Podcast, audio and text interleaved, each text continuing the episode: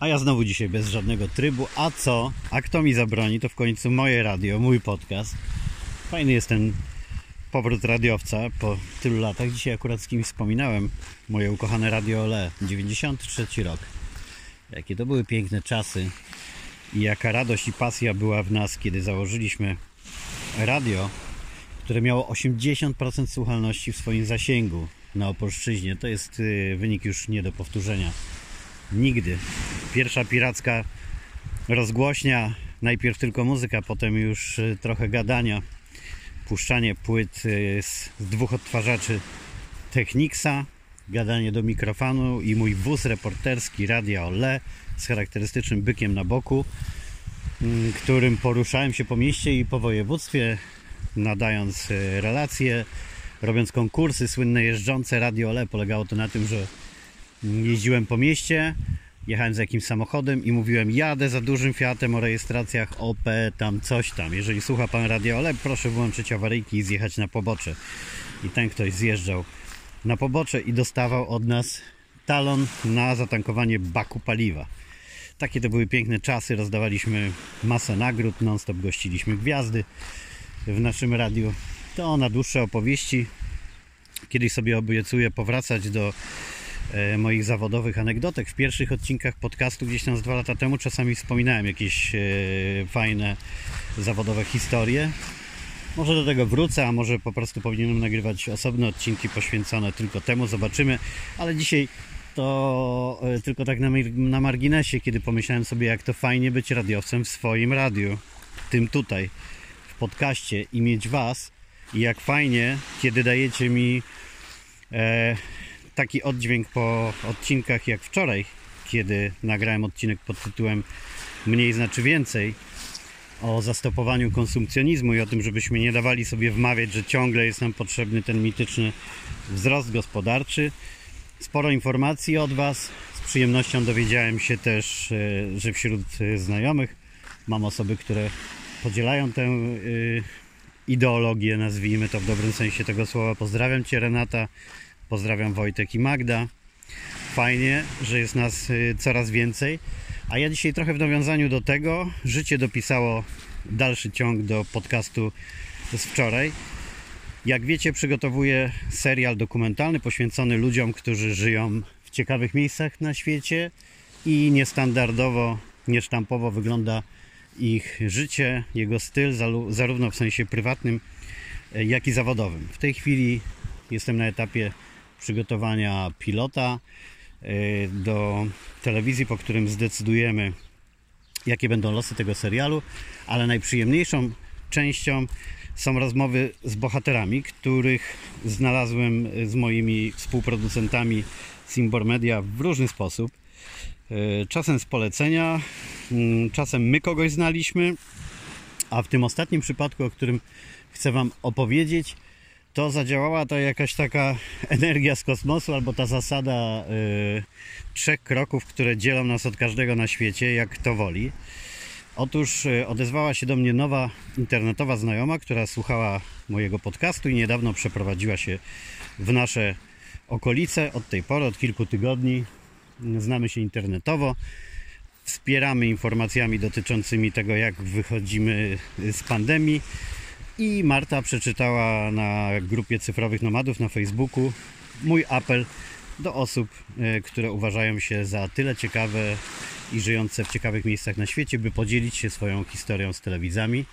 Marta poleciła mi kontakt z Tomim, surferem, e, który e, żył wiele lat w podróży, osiadł na dłużej w Wietnamie, a teraz jest na Filipinach na pewno jego życie można nazwać pięknym, niezwykłym i niestandardowym.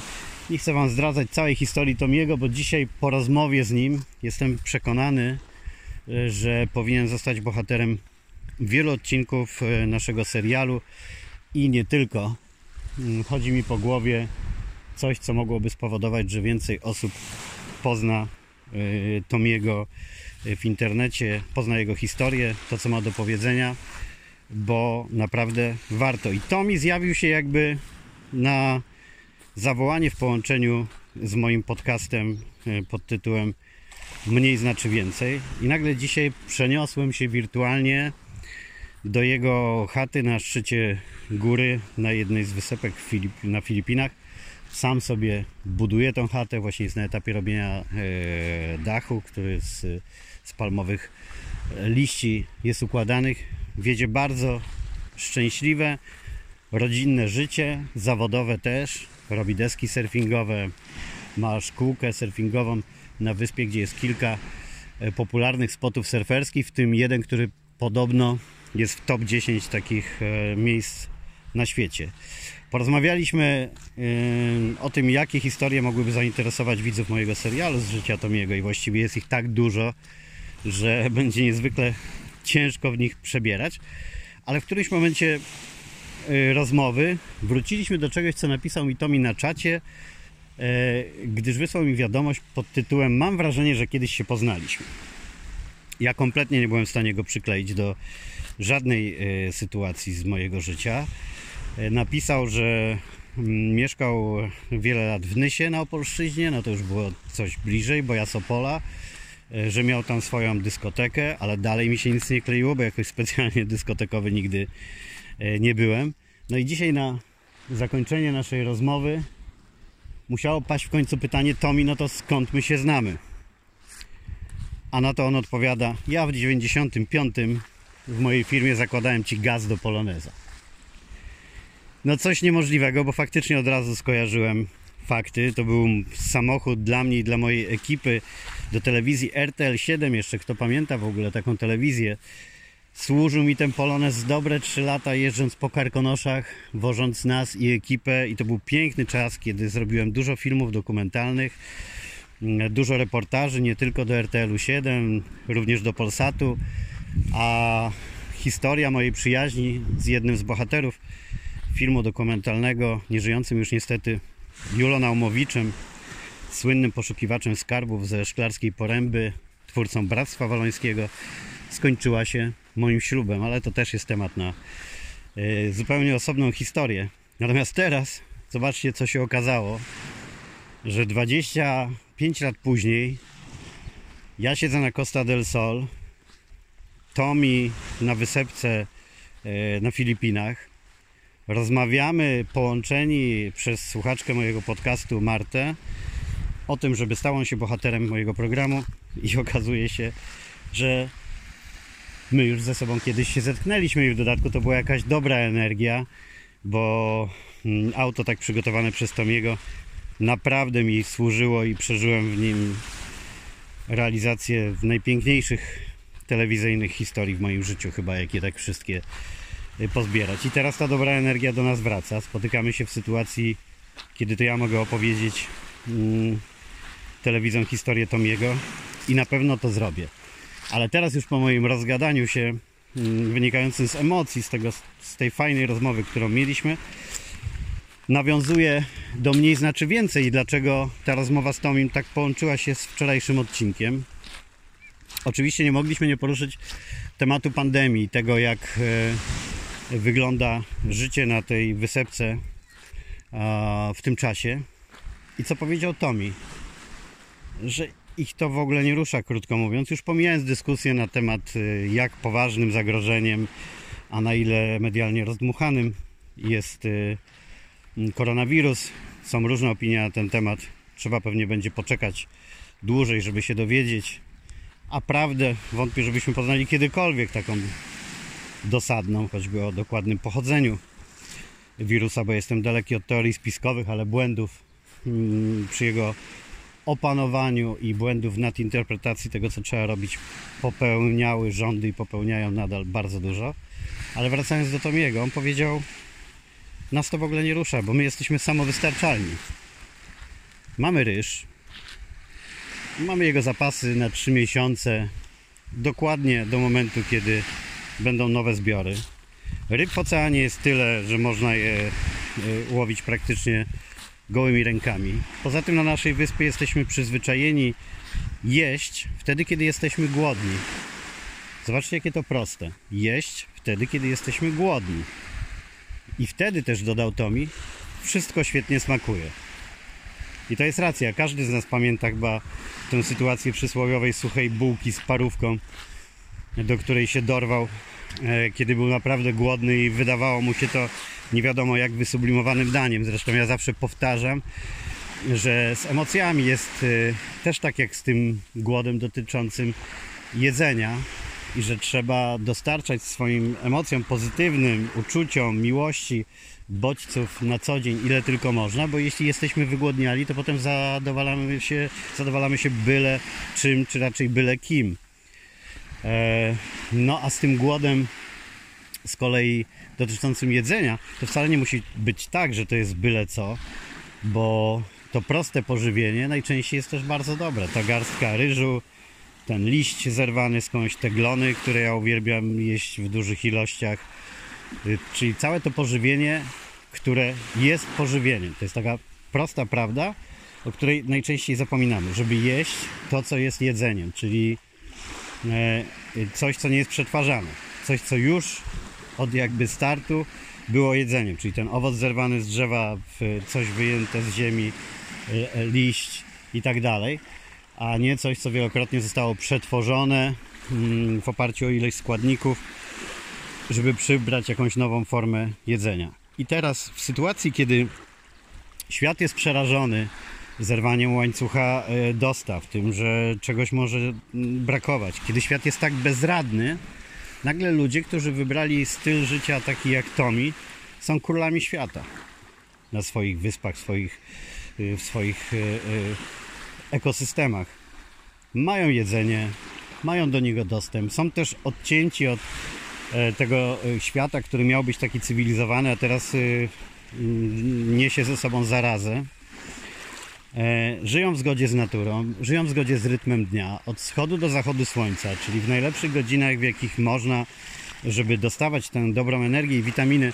Zobaczcie, jak się teraz podkreśla przy okazji koronawirusa, żeby uzupełniać niedobory witaminy D. A nie ma nic lepszego, e, jeżeli chodzi o dostarczanie tej witaminy, jak słońce. Wobec tego ktoś, kto żyje tam, gdzie słońca jest sporo i jeszcze żyje zgodnie z rytmem dnia od wschodu do zachodu słońca, jeszcze w dodatku na świeżym powietrzu, no to ma największą inwestycję w zdrowie, jaką może. Do tego e, fajne pożywienie, które nim jest właśnie, a nie czymś przetworzonym z różnych składników. No i recepta na dobre życie i szczęście gotowa. Ta sytuacja pokazała teraz, że nagle, że osoby, mm, które wydawałoby nam się z pozycji sytych Europejczyków, y, były w jakimś gorszym świecie, pozbawionym wygód, y, luksusów, jakichś stałych dostaw różnych rzeczy, bez których wydaje nam się, że nie możemy żyć, nagle to one są górą. Nagle to one przetrwają jeszcze długo, długo po tym, jak my w Europie mielibyśmy zacząć toczyć wojny o paliwo i o wyrywanie ostatniej rolki papieru toaletowego w sklepie. Trochę żartując, trochę nie. To na tych wszystkich wyspach, w różnych krajach i osadach, gdzie ludzie y, są nauczeni y, żyć ekologicznie i tym, co wokół siebie mają, oni przetrwają bardzo długo. Ale co powiedział ciekawego jeszcze Tomi? nagle wszyscy na Filipinach zaczęli uprawiać ogródki, uprawiać ziemię. Wcześniej nie czuli takiej potrzeby, wystarczało im to, co jest, a teraz nawet oni poczuli jeszcze większą potrzebę, żeby mieć kawałek swojego warzywniaka, swojej uprawy, która już tak całkowicie ich uniezależni nawet od sąsiadów. Już pomijając to, że jako wyspa są po prostu niezależni. to jest fajny trend, który mm, obserwuję u wielu osób. Mój przyjaciel Piotrek, pozdrawiam Cię, bo czasem zdarza Ci się słuchać. E, kompletnie niepasujący na ekohipstera czy ekoterrorystę, jak ktoś woli. Nagle od czasu początku pandemii, którą on akurat zresztą wypiera, mając na to dużo logicznych argumentów, zaczął uprawiać ogródek na swoim balkonie. Zioła i jakieś tam, nie wiem, pietruszka, coś w każdym razie za chwilę będzie zbierał plony e, i to nawet jego przekonało do tego, e, że można mieć e, kawałek swojej przestrzeni i wytwarzać swoje pożywienie. I taki trend jest na świecie teraz. W Polsce też ludzie szukają ogródków, myślą jak zagospodarować przestrzenie w, w pobliżu domu. Pewnie prędzej czy później dojdą do nas te fajne wzorce z, z Nowego Jorku na przykład, gdzie ludzie wywieszają przez okna takie lniane, mm, jakby to nazwać, są takie, takie konstrukcje, drabinki, do których się wsadza doniczki i one wiszą za oknem i ktoś ma po prostu za oknem ileś doniczek, nawet jak nie ma swojego kawałka tarasu i tam uprawia sobie e, zioła, meliskę, miętę, e, co kto uważa. E, już od jakiegoś czasu w Polsce był trend na ogrody na dachach, pamiętam ile w Krakowie takich powstało, więc jeśli teraz to przyspieszy, to tylko pięknie. Jeżeli na Filipinach, na wyspie, gdzie wszyscy i tak są samowystarczalni, mm, nagle zaczęli myśleć o tym, że przydałoby im się jeszcze więcej przydomowych ogródków, to znaczy, że naprawdę warto. I to jest zdecydowanie piękna zmiana. Nakręciła mnie ta rozmowa z Tomim jak słychać, bo to jest bardzo przyjemne uczucie, kiedy się spotka kogoś, kto dokonał jakichś życiowych wyborów, wydawałoby się bardzo kontrowersyjnych jakiś czas temu, żyjąc nienormalnie, z naciskiem na to, że czymże jest normalność, to znaczy wybierając zupełnie inną drogę y, pod prąd, życie w zdecydowanej mniejszości jeśli nie niższy. Zresztą Tomi użył takiego sformułowania, e, że nikt, kto żyje stylem życia takim jak on i ludzi, jakich spotkał na świecie wciąż podróżujących, nie jest normalny, ale to nie znaczy e, sensu pejoratywnego. Nienormalny to znaczy niepodporządkowany tej normalności, która nam się narzuca. No ciekawe, jak ci ludzie będą dopasowani teraz do tej nowej normalności, bo wszyscy już wiemy, że e, ona nadchodzi, powrotu do, do starej nie ma i oby w tej nowej coraz więcej było e, miejsca dla tych i dla zjawisk takich społecznych, które do tej pory były niszą. Bardzo trzymam za to kciuki, jestem kompletnie podjarany tymi zmianami.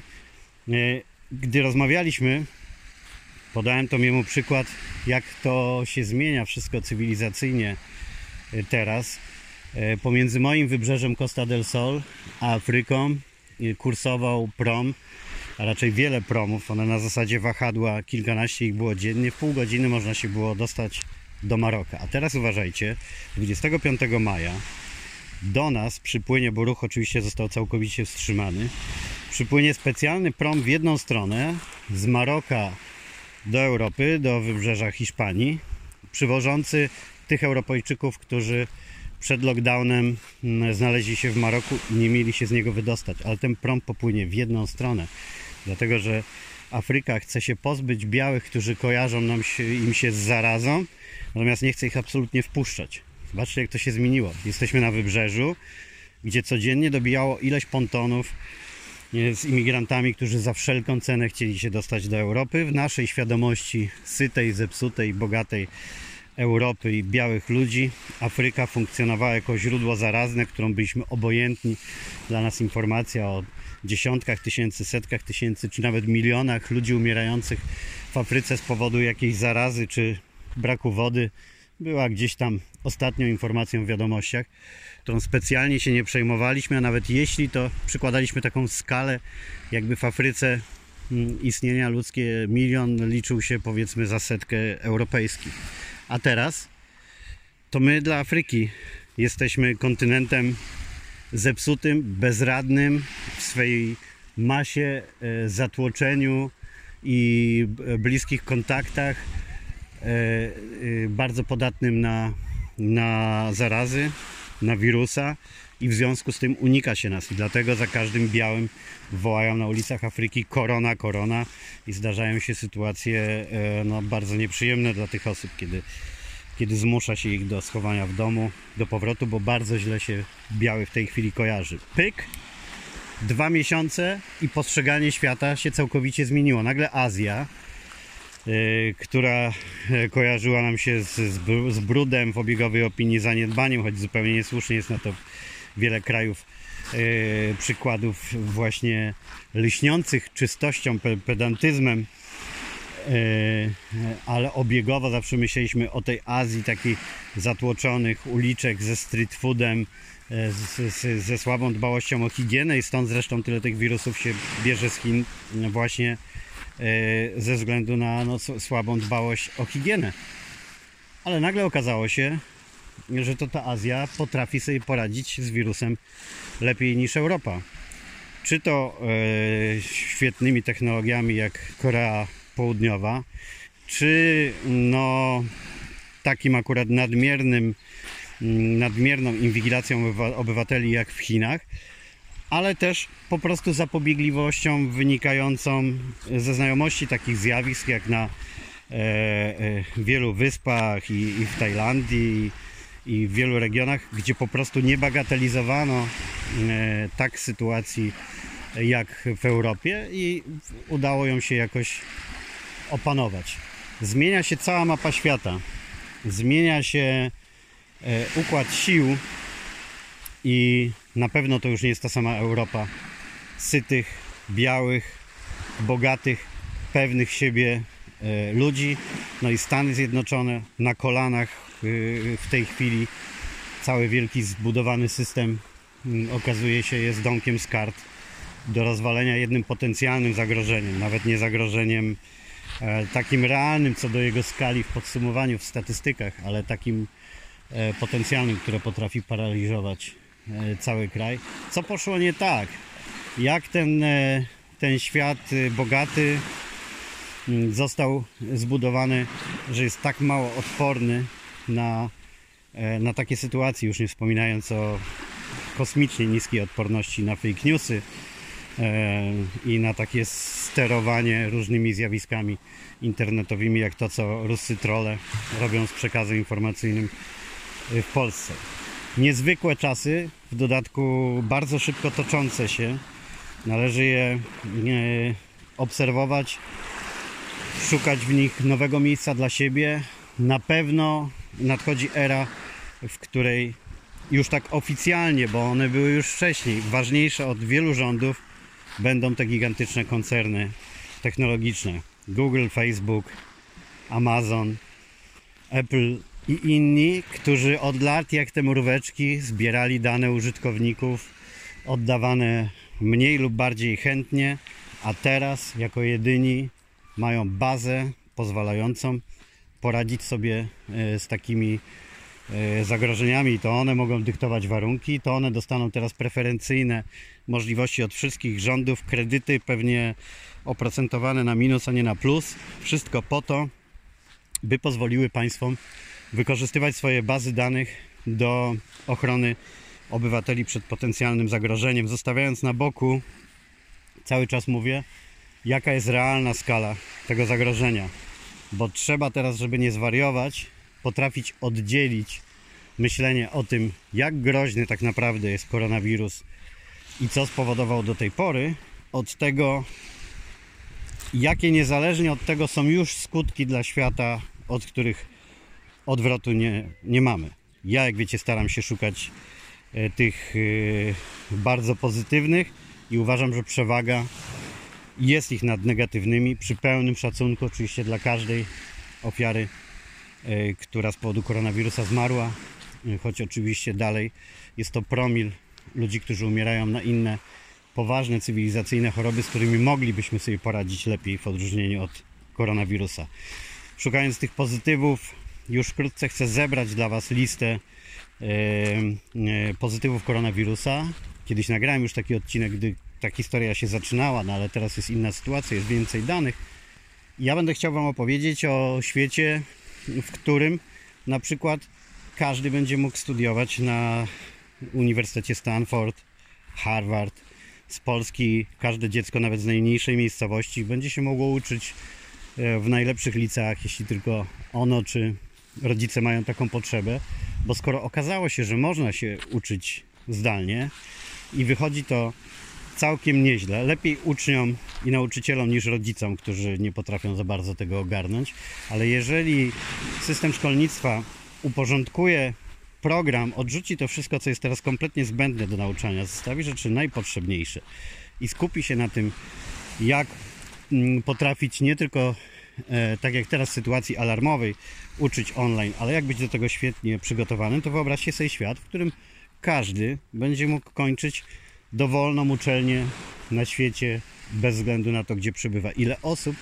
dzięki temu dostanie e, lepsze możliwości kształcenia te technologie i możliwość online, streamingu y, przełamują bardzo wiele barier i wyrównują szanse mm, społeczne, omijając bardzo wielu pośredników y, i też takie bariery ekonomiczne, które powodowały, że ktoś, kto marzył, żeby studiować na Stanfordzie, musiał się przenieść do Stanów Zjednoczonych, zamieszkać w bardzo drogim mieście, e, płacić wysokie czesne, no i to wszystko najczęściej było barierą.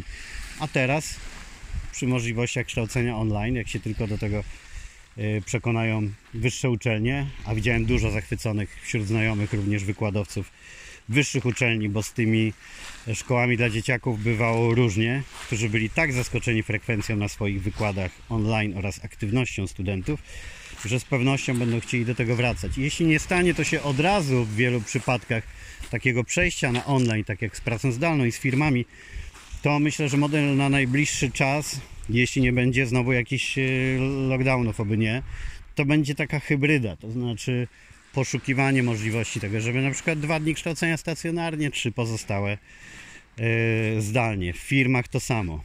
Z dwa dni pracy biurowej, czy home office, oprócz tych, które w ogóle yy, przejdą na, na taki system, jak, jak naśladując największych gigantów, jak Twitter, Google, Facebook i następni.